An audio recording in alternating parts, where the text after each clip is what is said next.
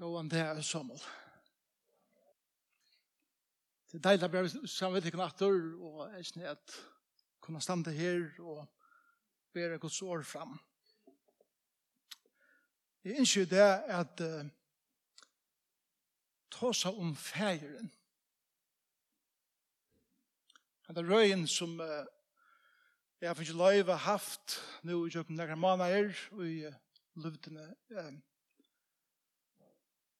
Og nu snur seg om at få åkne hokse om hvordan kunne akkurat liv ei kjennast av nøye.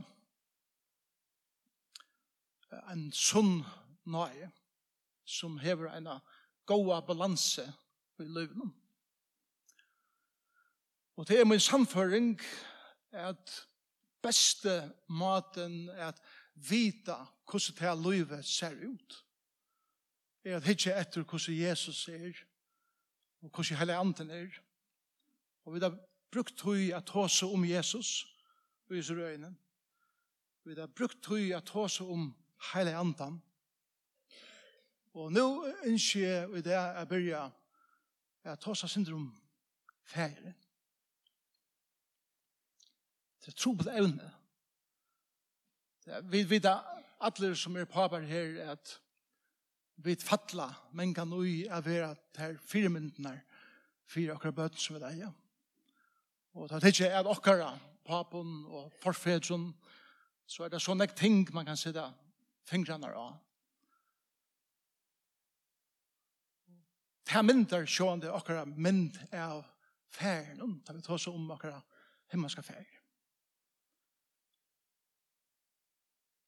ta i han fylltust vi Jesus så så var det et eller annet som gjør det ut heimen at det var forvittner forvittner om han er ferien som Jesus tar seg om.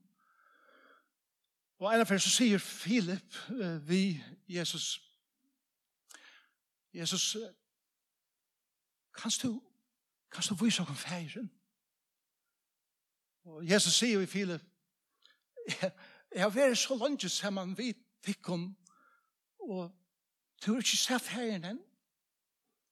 Og så sier han vi han, ta i det suttja med, så suttja det ferien. Ta i det kjenna med, så kjenna det ferien. Alt det som Jesus gjør det, alt det som han vær, alt det som han sier, er en refleksjon av hvordan ferien er. Men alt som er så utrolig, hadde jeg vi, Jesus, det er eisende til søvende som han fortalt. Og vi, vi som sitter her, det er, jeg tror vi, fleste av oss elsker søver. Kjør ikke det? For jeg elsker ikke en god søve. En av for hver til. Og så spyles ørene ut, til vi er spent å høre søvende. Ta Jesus fortalt søver, vi kallar det luknuser, så er en stor pars at han lukkner seg noen jeg forteller dere om hvordan færen er. Og jeg vågner at jeg kan utgjøre noen hese talen i det, og eisene neste fær, eh, stendig taler sånn her, kan ta seg vujere om færen. Jeg var en uh, unger, fytter, og iskaldur maver. Jeg les uh, av konservatoren i Reykjavik, Tonleik. Og jeg minnes et år jeg kom hjem i jolaferie. Jeg tømte ikke så vel til Gøte, her som papen min boet. Det var jo 1908 først, kanskje tjej først. 1920 år gammel.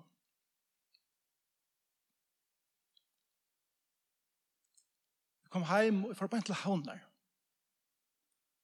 Jeg hadde ballast ved mine vinn. Tømte ikke heim til pappa min.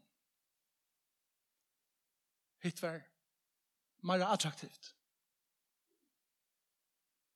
Og når jeg får dyr er av jól, så færje endelig når.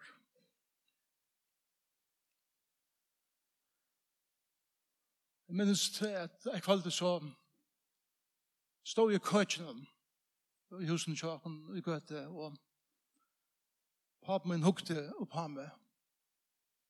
Og han sa at jeg hei det ikke godt. Og han sier akkurat som sa jeg kan, hva er det som, som feiler der? Og, og, og så sier han, hva er det som du lønges etter i løyvene? Og det som glapp ur meg var ikke noe som er på nærmere måte hei vanta gleppa ur meg. Til det hei jo kontrolla et lund. Og så årene kom ur meg og jeg hittir inn i ene pappen og jeg sier vi er jeg lønnsest over helden. Jeg lønnsest at anker klemmer meg langest etter at onkur teker om meg.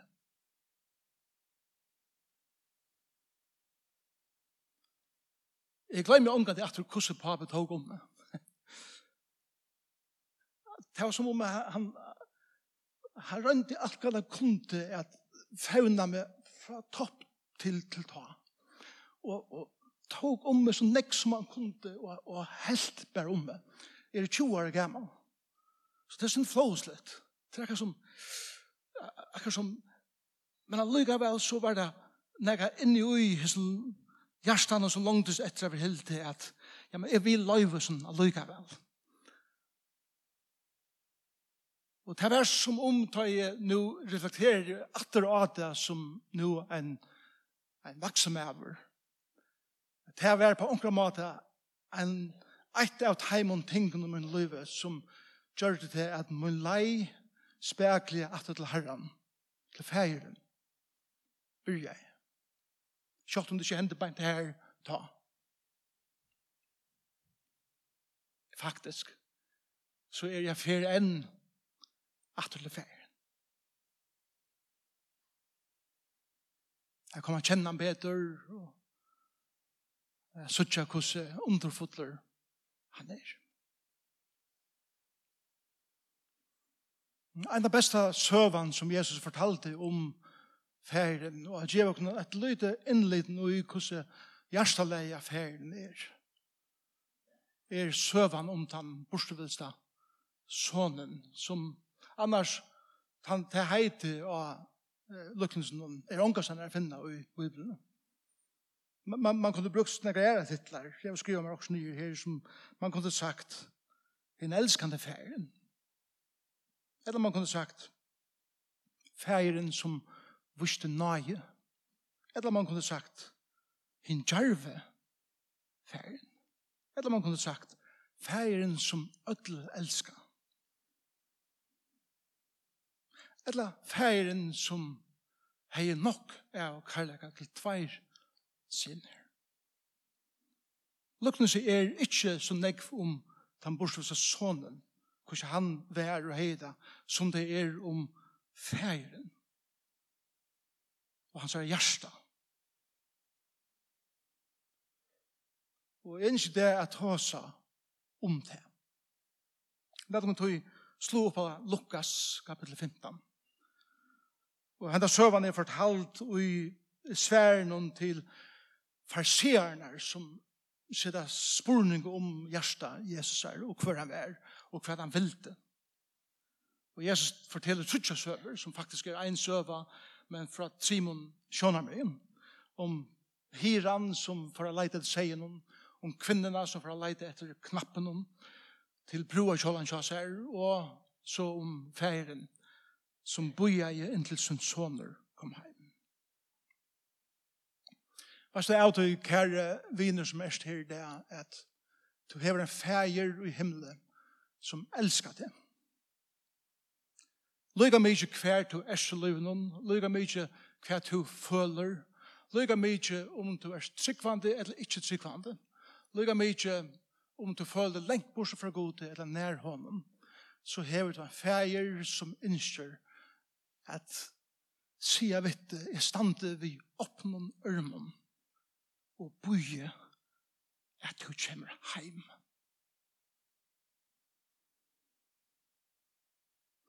Og Jesus forteller om hans hjertale og i Lukas 15, fra vers 11. La oss lese. Og han sier, altså Jesus sier, og han tar seg nå i fariserne som stand her kritiker og lurt etter noen. Mævor hei tveir siner. Hei en yngre tar jeg sier vi færir sin, færir, Gjemert han parsten av åknene, som mer luknast. Forresten, det var ein triangur. Vi fylgje 5. Mosebok 20, så fekk han eldste sonen tvær triangar, og hine bytte så den ene triangen mittens sin. Så hesen sonen fekk ein triang av ötlun arvenen, så hesen pavan. Da skifte han, altså feiren, gøsse, i mittlen der. Ikke mengar dier etter hetta, sauna i henne yngre sonen, alt sutt saman, og får av sted til land lengt borster. Her spilte han borster at lagensøyna og i ringen løyve. Men ta han hei brukt alt opp, vær hør hungersnei og i sin samme lande, og han byrja i alluja nei. Ta får han og seg til ein av månen her i landen, og hesen sendte han ut av marsksyna a sita tja svinum. Og han troa i etter a fylla buksvinnen av treven og i svinen i åto og ungen gav honom neka. Ta tjekk han ut sjálvan og sier hvordan mennesker daglønne menn feir har ikke iverflå av breie og her dodge jeg i hungre. Jeg skal reisa meg og jeg skal færa til feir og jeg skal sia vi han Feir av synda mot himle og fyrir ter. Jeg er ikke verdt langer at eita sånne tøyn. La meg slippe å være som en daglende mann tøyn. Så restes han. Han får heim til færsen. Men med han enn var lengt borster, sa færen han. Og honom tykte hjertelig synd og i honom. Det kan eisen omsøttes. Og han er i djupa samkjensle vi honom. Og Han får rennande, og han leip om holsen av honom, og kiste han. Men sonen sier vi, han feir, jeg har sender mot himmelen og fyrt her, jeg er ikke verdt langer å eide sonen til. Da sier feiren vi tjener sønner, færre etter henne beste klævene, og led henne ut hei. Og gjev henne ring av håndene, og skekvar av føtterne. Fær så igjen etter gøyngarkollen og drep i ham. Og let dere eta og være glad. Kvoi? Tøy hesen son min vær deir og i våren livande etter. Han var mister og er funnen. Det bryr av nu er være glad. Jeg vil snakke her. Jeg får ta som hin sonen i neste talen.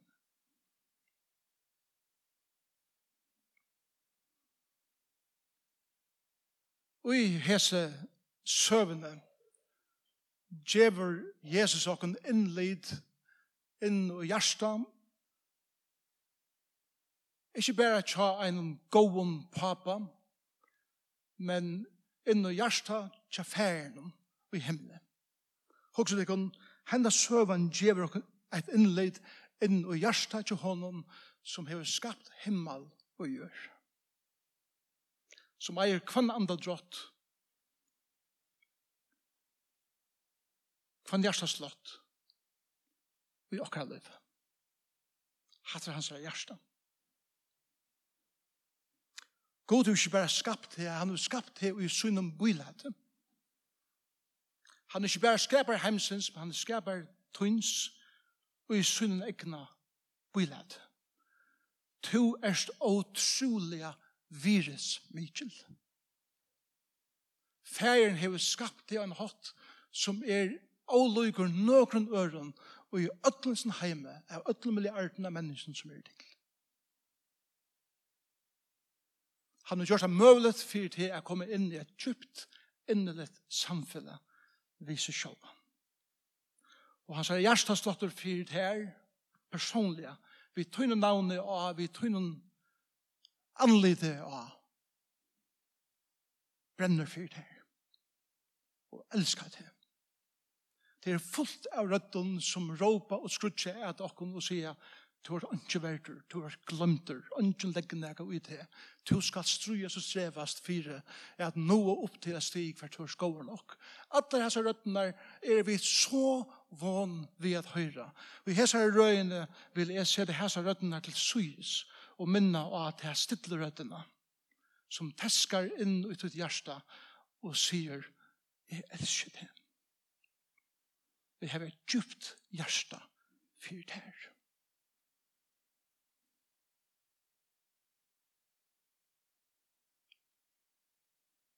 Du hever en fæger i himmelen som er som hesen. Ødel av okken er som den yngre sonen Ødle av okken er vilst borster av å. Ødle av okken er å av å. At rymme heimene fra.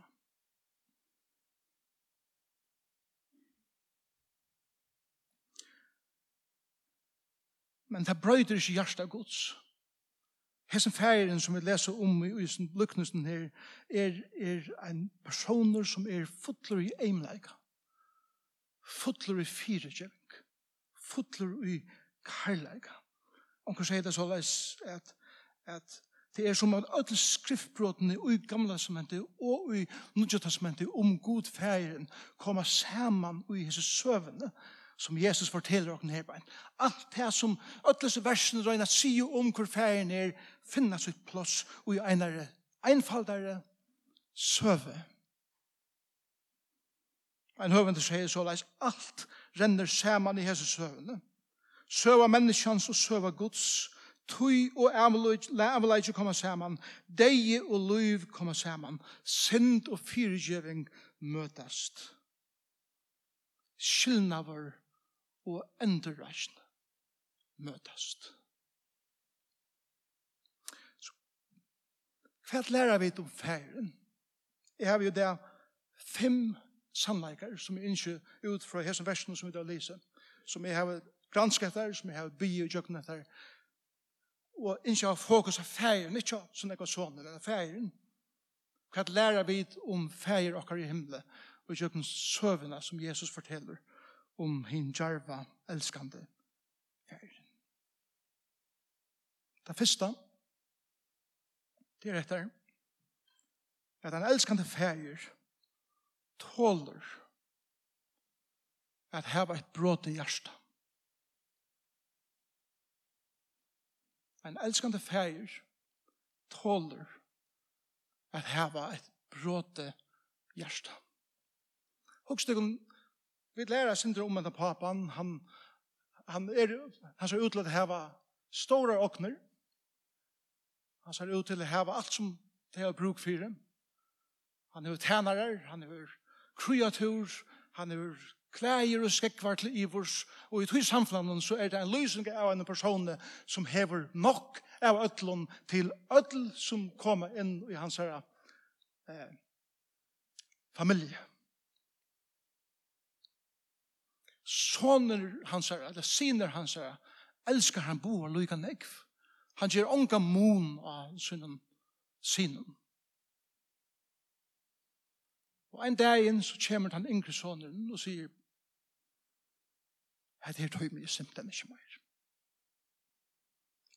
Vi vet ikke hvor. Kanskje var det for trångkår. Kanskje tømte jeg simpelthen ikke mer å høre om alt det her som han har hørt om alt sitt liv. Han har en utlangsel at det var løster fra den bonden som han følte han var ui. Vi er alle kjenner det. Jeg kjenner det ordentlig vel til å være her selv. Jeg kjenner det ordentlig vel som pape til mine bøtten. Jeg reiser her. Men en elskende pape og mamma tåler at hava et bråd i hjertet om sinne bøtten. Så ta og en soner kom til hendet papan og sier, Gjemmer arven, ta er det det samme Hvordan er jødisk jeg mente? Jeg sier, papi, jeg innskjer at du døye, så det kan få at det som er eie. Og i en jødisk mentan var det ikke bare skom over familien. Det var en skom over alle bygtene. At ein av okkara skal gjera en sluka gjer og i motor i sunnum fære at, at han innskjer han deian og rymer bare heimanifra. Så gjør det Jeg tykker at feiren yngste sin son, er alt det beste. Og han elsker en iver alt. Men sannur Karl er ikke kært hit. Er det løyve å kunne være fri og frals. til en pape som ikke helder handatøker om sønne bøten. Til en pape som ikke nøyer sønne bøten over hjemme. Til en pape som ikke krever at bøtene elsker meg. Eller krever at bøtene virer meg.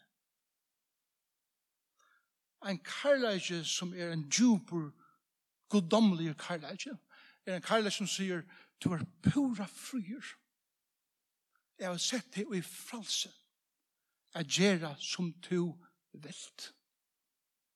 Jeg innskjer at du er hjemme, kommer her. Til her er så trykker, og her er det godt. Jeg har alt til tøyen. Men du har lov at vilja.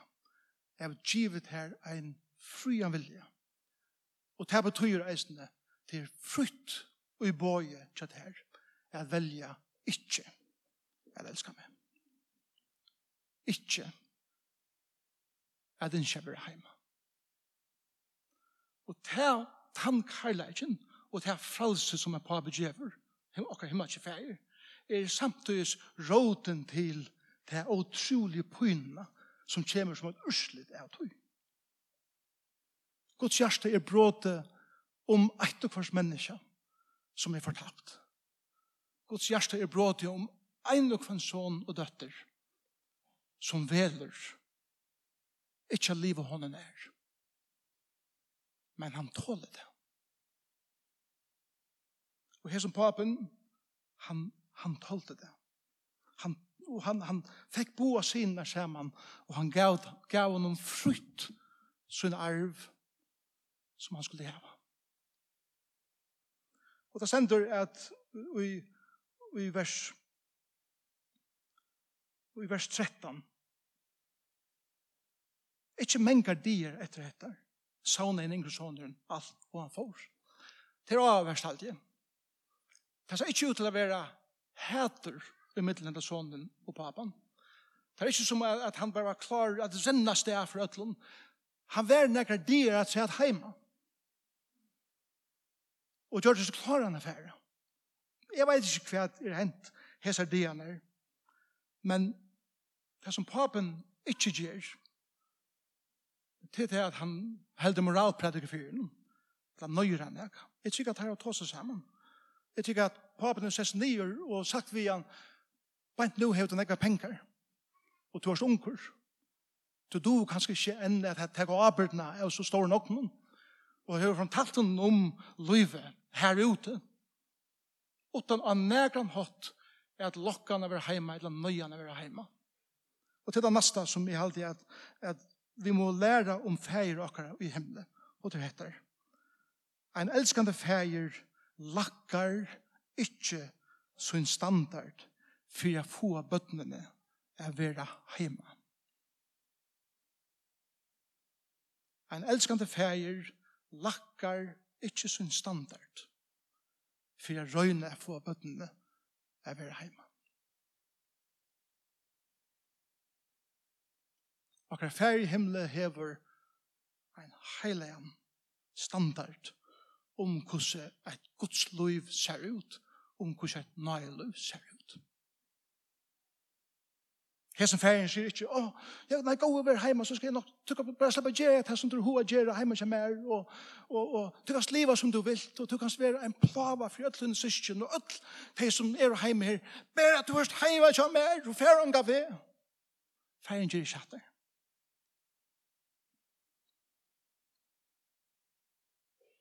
Han heldur en standard.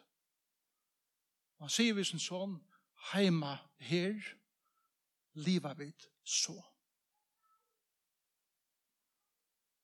Og om du ikke klarer å liva opp til hans standarden, så er du pura fryer affæra.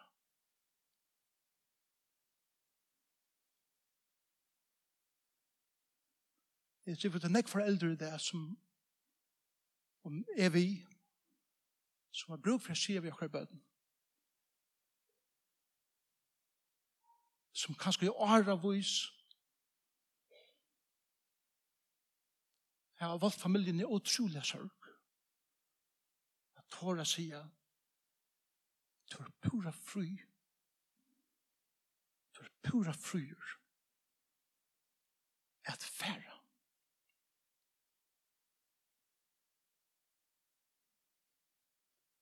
her liva vi så.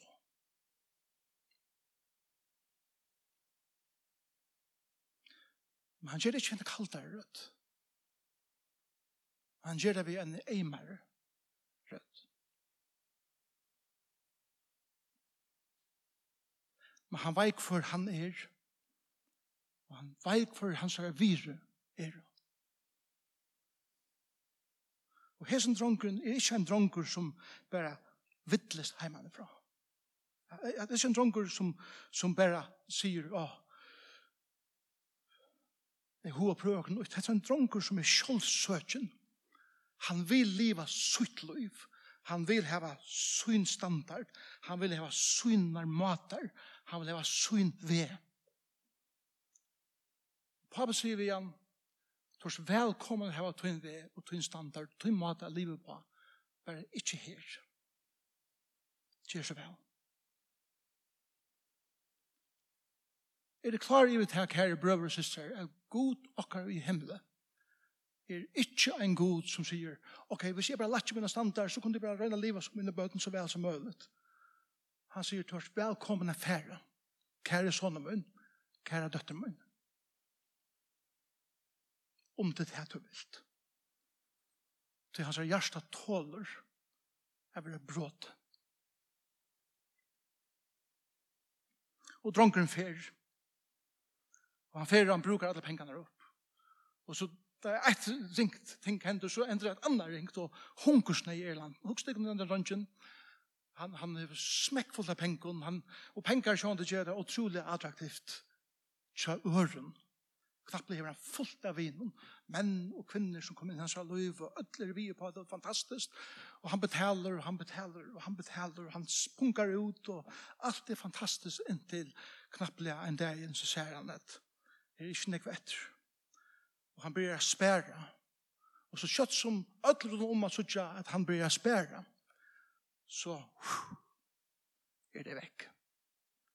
Inntil ønsker etter heimeren er kaldur og kyniskur, ta vi vil hava det okkar av det. Og det enda så gale tjanon at han endar Det er ikke Jesus sier han fra land til land lengt bostur. Stekka det gå her til at dette land som hever svin, bønder som, som hever svin, så han fer inn i et heie land. Og han endar nyrre og bottnen tja en jøtuskun drøntje jeg skulle sita vid jorden som i hans er opp vøkstre er til skittnaste og til laksta til kan koma og, og, og til det tria som vi ikke kommer til. Hver er papen og gjøtlens nir papen er heima. Det er tre punkter som vi ikke har lyst til om akkurat himmelske færer og eisen om ene kvann gå om pappa og gå om mamma. En elskande feir leter sånne bøten oppleva avleggingene av sin egna avkjør.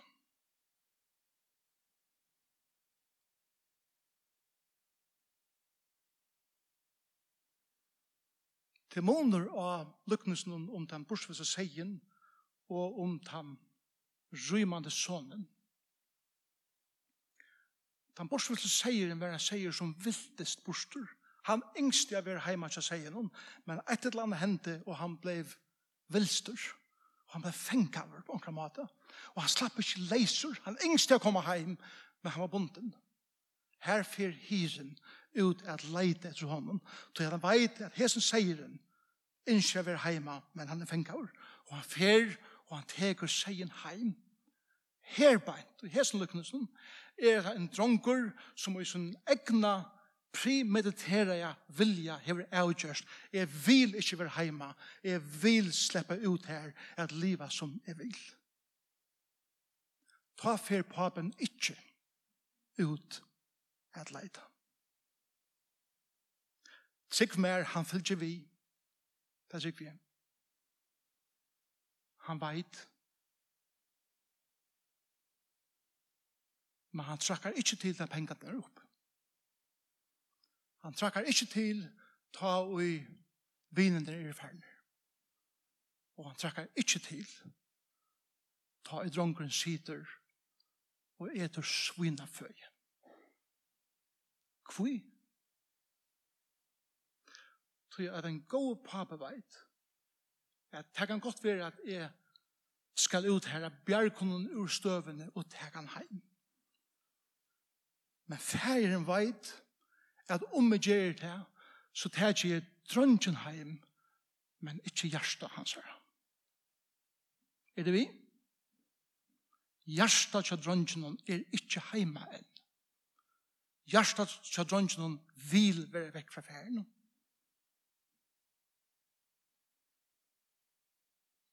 Onker sier at pyna i livet noen er det beste anbøye at ei mykje okkom nyer akkur knø. Pyna og målgångt og avleiningar av akkur avgjørende løvnum er det beste anbøye er før okkur heim. Og en strongren sitter her ute her, og han er pura ensam. Og dæveren kjemur, ta i pynan hever etis i nålen lungen av han, og hva han sier. Hette er også ikke mer. Og jeg elsker det som, det som Jesus sier her på. Han sier, jeg vil fære heim til, til kvann. Ikke til gamle vinner. Ikke til bygdene. Ikke til det som er vanlig å gjøre heima. Jeg vil fære heim til fæger min. Jeg vil slippe heim til pappa min. Jeg vil slippe heim til at jeg vet at her var trygt og godt. Og han reiser seg opp, og han, han, han, han vener seg til en tale som han skal prøve at halda for pappa sønnen til han kommer heim, at jeg har syndet mot det her, mot himmelen, og er ikke verdt, og kommer til bare en tunn tænar, og, og, og, og drongeren kommer, og han, han, han, han begynner å genga heim. Jeg elsker vers 20 så reistes han heim, så reistes han og kom heim til færsen, medan han, altså sonen, enn var lengt borster, sa færen, han sjálf han gjør det til at han er boja, han er hukt, han er fyllt vi, når sonen kommer heim, og honom takte hjertet sin til at hei stjupa samtjensle vi honom, og han får rennande, og han leip om halsen av honom, og kiste henne. Jeg elsker det griska uh, uttrykket for at kissan. Det er ikke bare, men det er at øysan under i musen. Øystian under i musen. Og, og, og dronker regner og sier, pappa, jeg har sint mot der. Jeg, jeg kan være verden nu til å være en av tunne arbeidsmånen. Og pappen, han lustar slett ikke etter henne. Tog at han er så glæver, og han er så nomen, Han er så spenter av sin soner. Nå er kom heim, grunda av hans her egnu avgjør Jeg har ikke nøytan, jeg har ikke hele moralpratiker, jeg har ikke lov og forskjellig som, som, som lakker min standard, ikke av tog gjør det ferien, ikke. Men dronkeren visste at på at min lakker ikke standarden, og han nøyer meg ikke, og han arbeider ikke for å manipulere kontroll i min liv, men gjør meg totalt fralse at jeg er klar å komme hjem, så vet han at det er mitt hjerte som kommer hjem til alle måneden. Og papen veit dette. Hugs det hvordan bra til hans hjertet er for sin son, som, som han veit at han strugist. Men samtidig veit han at det er som gjør min son vaksna og størska. Og han kommer heim. Og han kommer rennande. Og, og, og, og til, til, til det fjorda, en elskande feir leter allar dittnar opp ta i sinne bøten koma heim. Mia sonen røyner snakka. Og han færs året opp til det. Og pappa mussar han og klemmer han og helder om han og gledest om han. Så råper han fer etter brunan, fer etter klævun. Det er klæven som drønkene stinka av grusen, utsliten. Alle pengene børster. Ikke bare rå, ikke bare klæger langer. Han leder han ur skommene. Og uidord og klæger han som han eier være klatter. Djevelen er æren atter, og gjever han bunan. Etter ringen hon, som var et etle gammalt visakorst, som gav deg avgång til å betale som er stempel. Stempel Sjalt man finnes jo allan sin arv som er fullt av ödlun gåun etter tilan sjalt han kom heim. For etter skånum, hukst det kom jeg var skåleiser, jeg arbeid nekv i nekv bujum i Europa, og kanskje ikke kvann det, men regler så ikke er heimles folk ute av gøten. Bare i sørste vik, la jeg meg til en mann som la i rom, og han er unga skrekkvara. Fødene våre blåvar og ut tørtar av å genga skåles. Totalt så nyale som han kan komme. Og papen hikker at skånen kjører som drønnsen han sier. Djevn nu just kikvar. Så han han standa. Og forresten, drep Molly, kunna, som vi da boi etter at slipper drepa lunchen så som vi kunne gjøre en ordentlig måltid for sin sånn som kom hjem. Jeg som jeg elsker om akkurat fæger i himmelen, min fæger i himmelen er det at Jesus sier ikke et år om at papen sier, nå, nå kjenner du. Etla, hva er det for klær du gonger ut og stinker? Etla, jeg sier det vittet, utgjevelsen her. Hva er det? gløym alt det her. Eisne papar, jeg må si det om sjåvan først og fremst, og mammer, om okkar bøten, som kanskje er lengt bortsett fra herren, kanskje lengt bortsett fra okkar. At ha et eik som kommer heim, og det er ikke samband at du vet her. Ikke bruke her sammen tåtene. Tid av å prøve der, er å prøve der. Det er rikker ikke. Fær i okker himmelen hever ångande peitsfingre mot det her. Det er tog nå ønske fordøming for det som er Kristi Jesus sier. Ønsken. Til bæra kissing, og han renner, og han teker det heim, og han leder det ut til den beste bona. Han gjør det ringene, hendene, skekvene, føttene, og borra er til aller beste båre for det her, til at du er kommet heim, av den egna fria vilja, til at du rakte botnen, Og det var bare en lei. Og det var leien heim. Og så stendur i vers 24, og det byrja av at vera gleda. Til det sørste.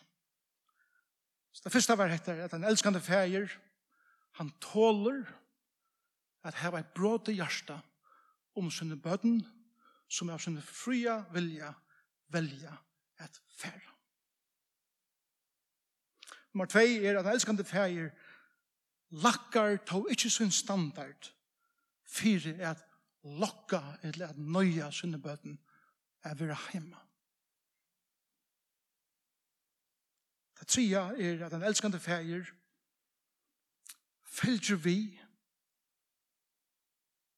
men løyver sinne bøten om at oppleva avleggingene av tarra ekna avkjøren.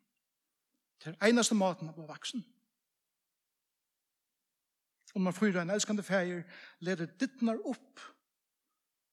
Vi åpnar, tar sin bøtten komme hjem.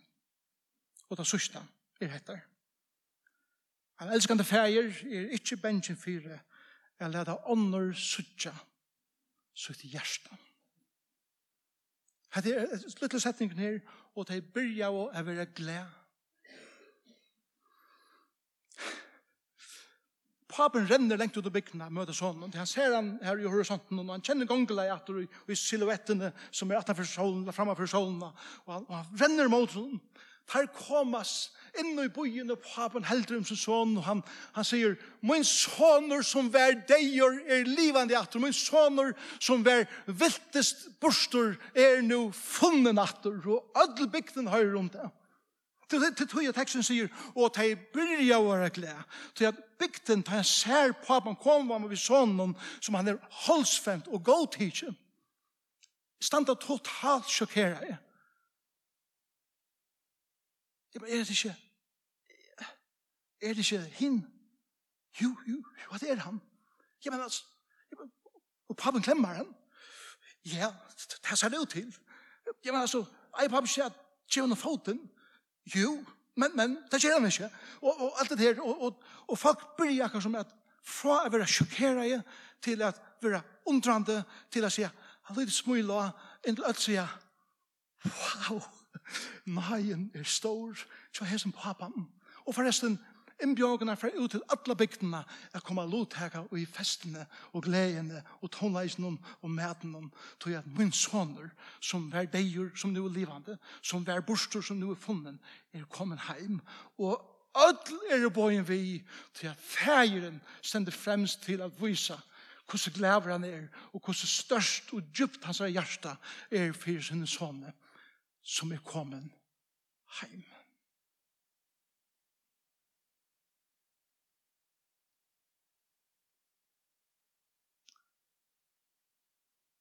Jeg vet ikke hvordan tid hava det om en slik løsning av akkurat himmelske ferie. Jeg vet at det gonger beint imot nekvar foreldre opphaling og teorien som akkurat samfunnet lærer i det. Men jeg tykker hendet søvann trumfar alt det om vi gjør det rett.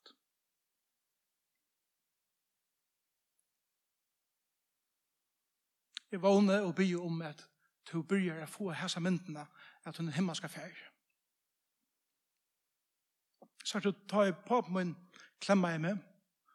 Da jeg var 20 år gammal, nå er jeg 20 år gammel. Da byrjar jeg nækka at brottene og i mer som skulle brottene til at det var herre steiner. Men i nekv, nekv, nekvar, lengt at han har løvd den eisen byrjar jeg hei jeg omgang til ordelig alit av goden som en feir. Jeg visste jeg god er gåver, men jeg iva er som han bærer var gåver. Om det ikke eisen var et kotten av ønskapet i hånden. Da jeg hukte jeg at heimen rundt om meg.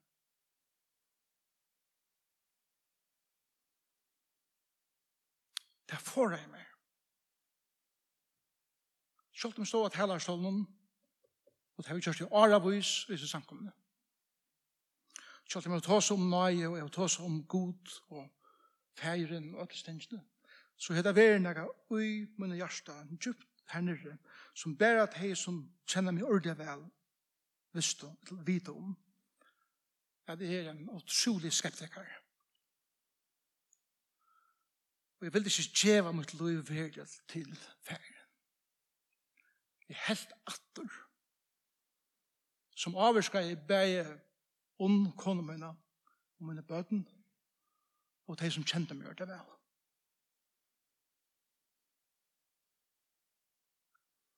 Tross jeg ennå for vi en person om det,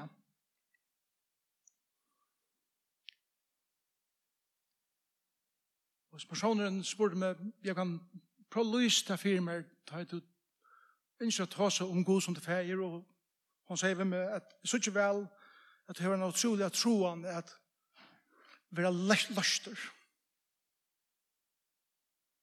Lys fire mer hvordan det ser ut, ta et ut og hukser om god feiren som tog en feir. Og jeg sier ved henne at det er som at hitja at en naturlig vøkron landsleg. Veker deler, blomenar veksa, kreaturene genga, friali og eta, græse.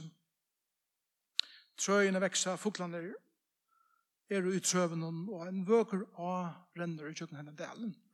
Vøkermynd, frisel, men knapplega som i hittir av dess så ser det som om at, at en skover av svørstun trøvun vekst opp fire minnene. Som gjør at, at jeg suttje bare hese myndene i bråten, men det som avvirska meg er hese svarste skoveren. Trø som er svørst, som forar meg at njóta de usiktene som jeg ikke. Og han sier, Så det er så såleis tøyn evig om god er, at alt det verker som inte knapplega, så blir bare alt svarst, vi sier ja. Og han sier med, så til skover, så til, til trø, og vi sier ja, til trø. Og så sier hun, jeg har nægget det hos om at høtja seg trøyene nyer. Så sier hun, nei, det har vi ikke hos om.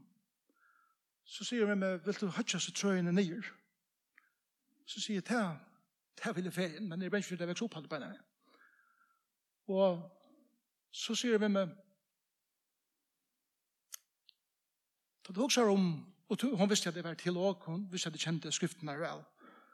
Så sier vi igjen, og i, og i skriftene, hva er det? Hva er det trø brukt som? Og jeg fengt det selv beina ved, og jeg sier noen ting, så må du ikke styre meg inn her som vil det her med affæret. Så sier hun, hvordan var tre brukt til lømmes i tempelen? Å, ok, som brenne. Akkurat. Hver var tre brukt som brenne? Det var brukt av altaren. Akkurat. Her du nægget i hugsa om at jeg har tutt svarsta brenne og ledja det av altaren og leta Guds eld komme og øya det brenna det opp.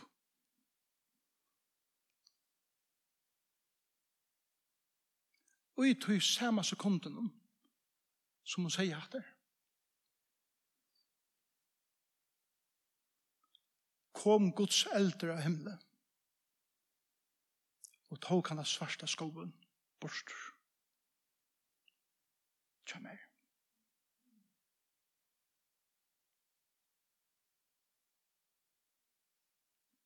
Jeg har stadigvæk stora spurningar. Jeg er stadigvæk skeptiskur. Men det er ungen ønsken ivi kjemmer om at jeg har en elskande feir.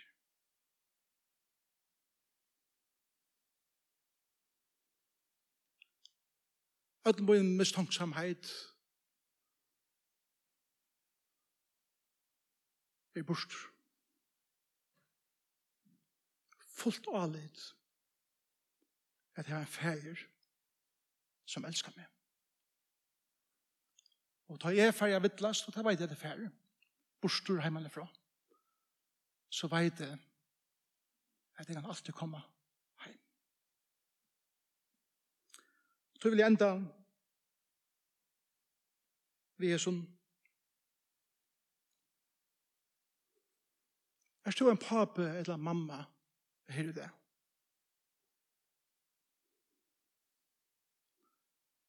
Som kanskje har bruk for å tåle pynene av. At hun er bøtt ikke er hjemme. Selv om det er hjemme.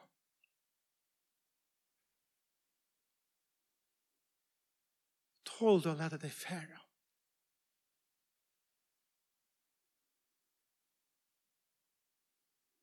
Jeg skal med over her det som kanskje har brug for det. Jeg færre til tynn pappa. Lyga mykje, man er ikke perfekt eller ikke.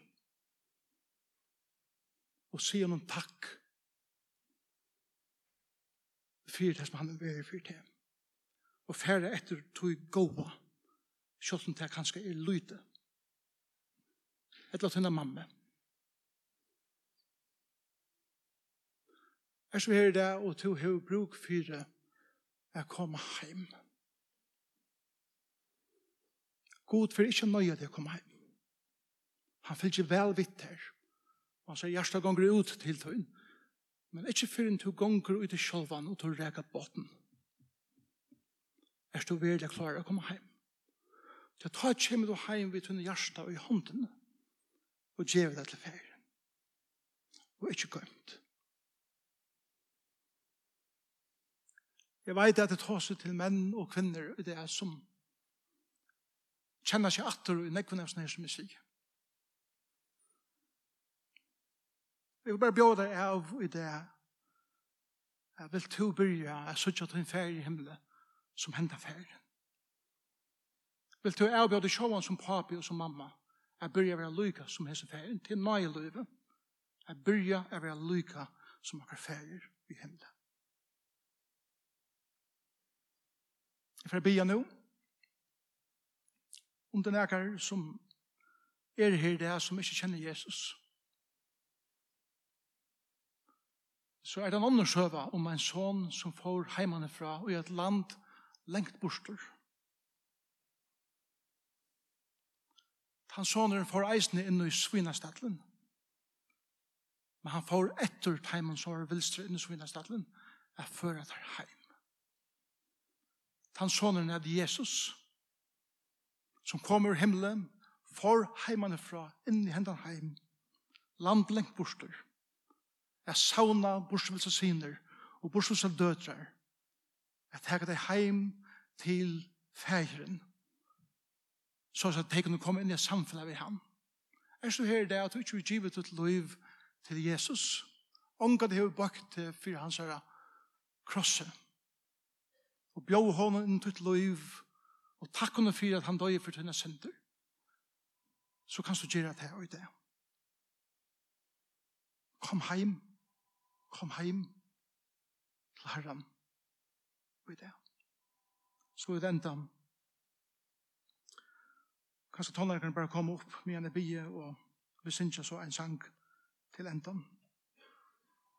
om det er folk som ikke kommer fram Vi at de mer forbund bare komme fram av sande her om det er folk. Med vi synes eller med en by som bare ikke kommer fram av sande her. At nudjon han skal komme heim eller byrja ferien heim. At kjeva til løy til Jesus. Så det er velkommen å gjøre det. Ikke føle det som en, en, en nørsle. Bare om det ikke gjør det. Og vise allment at det er ikke er personer som ikke er kommet hjem til min ferie. Jesus, takk for at hun er søver der der er utrolig der er færa beint inn i hjarta som kanskje ikke vil høyra det som som du sier. Du gjør okken her et innleid i ei færa hjarta som kanskje vujtjur fra til moderne hjarta foreldre som vi opplever noen morgen. Nå er lov er å være som hessen ferien. At hava hjertelig som han, at tåla pyne som han, og at liva opp til en standard som han. Tog vi en eimon, brottnum, åpnen, hjertet alltid klarer at elska. Ongan er fordøma, ongan er peisjefingren, ongan er vidt hun nyugirende i årene, men alltid vi vånene, alltid vi fyrirgjevingene, alltid vi endurreisnene, alltid vi at ein chans at sett, byrja nudgen. Og herre, takk for som nøyene som du djever okken. Takk for nøyene som er i hesson at hun sier, En god hirin gjever livsvitt fyrir segin. og det er testa fyrir at du gjør det. Her er om det nægar her, det er som innskjur at djeva så løy til tøyen, så bygjer at du djeva at heimon nøyen hesa løtene er koma til tøyen. Prys og er vi tøyt navn, og i testa fyrir at vi kunne være saman i det. Og i Jesu navn. Amen.